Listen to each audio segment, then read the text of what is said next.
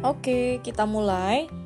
Di materi pertama itu adalah teks anekdot. Jadi, kalian bisa sambil membuka link simakbahasa.blogspot.com untuk bisa melihat materi tentang teks anekdot khusus kelas 10.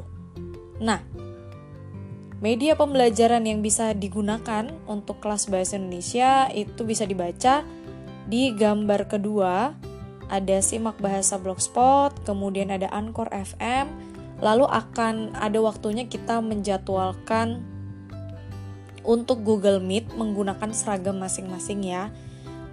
Terus nanti ada juga media pembelajaran berupa video file. Nah, karakter yang harus dijaga saat pembelajaran bahasa Indonesia adalah disiplin dalam arti kalian tepat waktu dalam pengumpulan tugas, tidak mepet-mepet waktu sehingga tidak ada alasan terlambat, tidak ada paket, tidak ada sinyal dan yang lainnya. Kemudian religius memulai dan mengakhiri sebuah pembelajaran kita harus berdoa, lalu harus jujur, tidak banyak alasan, kemudian bertanggung jawab dalam segala hal. Kemudian kita masuk di teks anekdot. Nah, semoga bisa terbaca ya di HP kalian atau di laptop kalian. Teks anekdot adalah cerita singkat yang menarik dan lucu. Biasanya tentang kejadian dari orang penting atau orang terkenal yang sudah pernah benar-benar terjadi. Nah, Teks anekdot di sini itu sederhananya yang sering kalian lihat berupa video-video lucu yang ada di Instagram atau yang ada di YouTube. Nah, kalau di YouTube biasanya kita mengenalnya dengan stand up comedy atau komedi tunggal. Nah, di dalam stand up comedy atau komedi tunggal saat si komika, orang yang melawak secara tunggal tuh namanya komika Ketika komika itu tampil, perform, membawakan sebuah peristiwa yang lucu, biasanya sebelum mereka tampil itu pasti mereka menulis dulu. Yang harus dia lakukan adalah menulis. Kenapa harus menulis? Karena sebuah komedi tunggal yang terkonsep tidak mungkin muncul begitu saja secara otodidak mereka biasanya merangkai satu karangan dulu, mengumpulkan segala kejadian, mengumpulkan segala peristiwa yang kiranya bisa dibuat menjadi lucu. Nah, komika yang sedang naik daun saat ini tuh ada namanya Marcel Widianto. Saat ini dia tampil di ini uh, di Tonight Show. Nah, di YouTube juga dia udah seliuran di mana-mana, udah gabung di Denny Cagur, gabung di uh, YouTube-nya Hesti dan artis lainnya. Marcel ini selalu membuat teks anekdot dulu untuk bisa ditampilkan ke uh, penampilannya dia di stand up comedy. Nah, ciri khasnya dia adalah mengumpulkan peristiwa-peristiwa atau pengalaman dirinya sendiri yang dia anggap itu adalah sobat miskin atau kejadian-kejadiannya yang sering dialami oleh orang-orang yang susah secara materi. Nah, kisahnya sebenarnya sedih, tapi dia mengaplikasikan kisah sedihnya untuk bisa menjadi sebuah cerita lucu. Nah, maka teks anekdot yang dia bikin merupakan hasil pengalaman pribadinya dia atau peristiwa orang-orang terdekatnya. Padahal peristiwanya sedih tapi dijadikan sebuah cerita yang lucu. Nah, teks anekdot yang biasanya juga ada di Instagram yang dijadikan sebuah video itu banyak sekali ada video yang hanya berdurasi satu menit seperti video-video yang uh, mem, apa namanya membuat pelesetan peristiwa, membuat pelesetan kata, semuanya pokoknya segala sesuatu yang kalian anggap lucu yang dekat dengan kehidupan kalian sehari-hari. Nah, biasanya itu muncul dari ide-ide yang dibentuk dulu menjadi sebuah teks anekdot. Sampai di sini semoga bisa dipahami ya. Kemudian, Ciri-ciri dari teks anekdot lucu dan menarik, mengesankan, memiliki makna, tokohnya populer atau tokoh penting, tanpa ada tokoh populer juga tidak apa-apa, lalu sesuai dengan kejadian yang sebenarnya, dan kejadian dalam cerita belum tentu benar, tapi tetap mengambil tema dari perilaku masyarakat. Kemudian, teks anekdot biasanya ditemukan di sebuah berita, iklan, prosa, dan penampilan komedi tunggal. Nah, nanti akan ada tugas yang berkaitan dengan uh, teks anekdot ini dari 1 sampai 4 ada berita, iklan, prosa dan penampilan komedi tunggal. Tapi nanti tugasnya belum, nanti akan Bu Elis infokan. Kemudian struktur. Struktur untuk teks membuat teks anekdot yang pertama ada abstrak, nanti ada contohnya ada abstrak, gambaran awal isi teks anekdot, kemudian ada orientasi, lalu ada krisis. Nah, itu bisa dibaca ya. Biasanya di struktur bagian krisis itu adalah inti dari sebuah masalah yang ingin dia kembangkan menjadi lucu. Atau biasanya kelucuan dari sebuah teks anekdot itu muncul di bagian yang krisis. Lalu ada reaksi, cara penulis atau tokoh yang diceritakan dalam menyelesaikan masalah. Kemudian ada koda, simpulan dari cerita unik dan lucu tersebut. Nah, simpulan ini itu berasal dari si pembaca, si penikmat teks anekdot. Nah, kita sebagai penikmat teks anekdot wajib memberikan simpulan, memberikan uh, apa namanya respon bahwa oh ini teks anekdotnya menarik, memberikan nilai moral berupa apa, memberikan nilai didik berupa apa. Itu ya nanti akan Ibu Elis ajarkan lagi.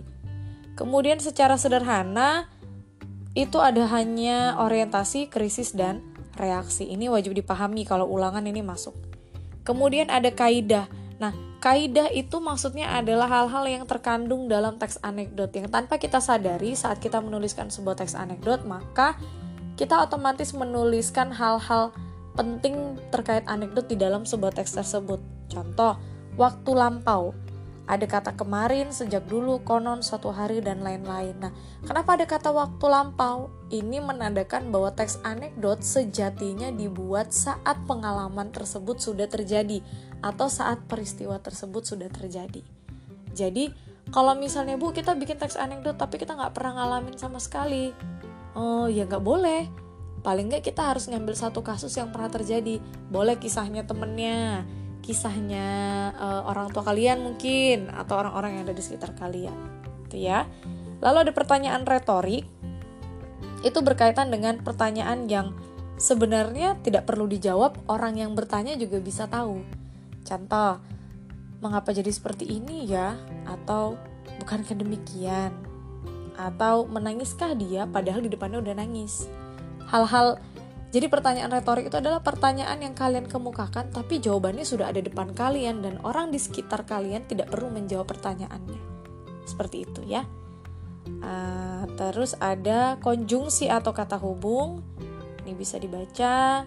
Kemudian kaidah selanjutnya biasanya di dalamnya ada kata kerja. Nah, kata kerja itu berupa apa saja? Ada antar, naik, turun, lapar, uh, kemudian duduk, lari, jongkok, dan yang lainnya yang berkaitan dengan aktivitas. Lalu ada kalimat perintah, ini bisa dibaca. Selanjutnya ada kriteria analisis. Nah, ini juga berkaitan dengan tugas kalian nanti. Nanti. Kapan? Nanti diinfokan. Nah, kriteria analisis itu berkaitan dengan alur, penokohan, latar, majas atau metafora, kemudian ada nilai didik dan nilai moral. Contohnya seperti apa, Bu? Nih, kita tengok di sini nih. Nah, di sini ada teks. Penyuluhan tentang sampah. Nih, kita bisa baca. Pada hari Minggu pagi di Desa Sekarsari, nah kalian bisa baca ya, dibaca sendiri di blogspotnya. Kemudian kita analisis alur. Nah, alurnya di sini alur maju Kenapa alur maju? Karena di sini ada kata kerjanya. Eh, ada kata kerja. Ada kata hubung setelah acara selesai yang digaris miring, eh, yang ditulis miring. Kemudian ada kata akhirnya. Lalu ada lalu memasukkannya. Kemudian pemateri yang kebingungan lantas bertanya bla bla bla bla bla bla itu ya. Jadi kenapa alurnya maju? Alurnya maju ya karena dia mengisahkan tentang sebuah kejadian yang memiliki lanjutan tanpa harus bergerak mundur. Ya, kalau misalnya dia bergerak mundur, alurnya mundur berarti itu bukan teks anekdot, tapi apa? Dongeng atau legenda. Gitu ya. Kemudian ada analisis penokohan. Jadi, kalau penokohannya itu berkaitan dengan pada teks di, di uh, yang sudah saya cantumkan berkaitan dengan watak atau karakter si tokoh yang diceritakan dalam teks anekdot. Ini ya. bisa dibaca. Kemudian ada analisis latar, latar khususnya ada di Desa Sekarsari. Ini semuanya latar khusus, lalu ada latar umum. Di Desa Sekarsari, tempat melaksanakan seminar pengolahan sampah bagi warga desa. Itu Terus ada analisis majas. Nah, ada majas hiperbola. Ini berkaitan dengan pemateri kehabisan akal. Lalu ada nilai didik. Nilai didiknya berkaitan dengan edukasi atau pendidikan, kebersihan, kelestarian. Nah, ini ada jenis nilai didik ini yang harus dipahami. Kalian boleh catat dan yang lainnya boleh difoto. Yang penting ini kalian simpan. Nah, nilai didik yang terdapat dalam teks anekdot itu bisa tersampaikan melalui tujuh hal, agama, moral, budaya, pendidikan, politik, sosial, dan estetika. Nah, kalau berkaitan dengan nilai agama, berarti dalam teks anekdot tersebut kata kuncinya ada tempat ibadah, aktivitas keagamaan, sholat, gereja, ibadah minggu, dan lain-lain. Kemudian kalau berkaitan dengan nilai moral, pasti ada kata kunci berupa budi pekerti, kebaikan seorang tokoh, kemudian kecerdasan seorang tokoh. Nah, itu berkaitan dengan nilai moral. Lalu ada nilai budaya. Budaya di sini kata kuncinya itu sudah pasti berkaitan dengan gotong royong, uh, salim tangan terhadap orang yang lebih tua, kemudian mengucapkan kata permisi ketika harus melewati uh, orang tua, itu berkaitan dengan budaya. Lalu um, nilai budaya yang lain juga berkaitan dengan saling menghargai uh, apa namanya saling menghargai suku lainnya ketika beribadah itu juga berkaitan. Lalu ada nilai pendidikan itu kata kunci dalam teks anekdot biasa ada istilah sekolah murid siswa kelas dan lain-lain. Lalu ada nilai politik kemudian ada nilai sosial. Nah kalau berkaitan dengan nilai sosial pasti ada yang namanya uh, istilah khusus berkaitan dengan gotong royong berkaitan dengan saling menghargai, bantu membantu, dan lain-lain. Interaksi satu manusia dengan manusia lainnya. Lalu yang ketujuh ada nilai estetika. Nilai estetika di sini berkaitan dengan kata kunci dalam teks tersebut adalah keindahan, lalu ada kebersihan, kerapian, pemandangan yang indah, tata letak barang yang teratur, itu berkaitan dengan estetika. Selanjutnya, langkah menulis teks anekdot. Nah, ini adalah langkah-langkah menulis teks anekdot. Ini ya. Tapi nanti kita akan membuat teks anekdot. Tugas selanjutnya nanti adalah mengenai uh, kalian menganalisis sebuah video stand up comedy. Nanti akan Ibu pilihkan, tapi nanti sekali lagi nanti ya. Jangan menanyakan kepada Bu Elis kapan tugasnya. Nanti dikabari. Nah, itu saja. Jadi kalau misalnya kalian mungkin malas mencatat atau malas uh, memfoto silakan sepinter-pinternya kalian uh, belajar menggunakan blogspot yang simak bahasa ini untuk bisa mempelajari teks anekdot. Oke di episode selanjutnya akan Bu Eli share tugas kalian itu apa saja. Ya tapi nanti tunggu informasi sambungan atau informasi lanjutan dari Ibu Elis. Terima kasih.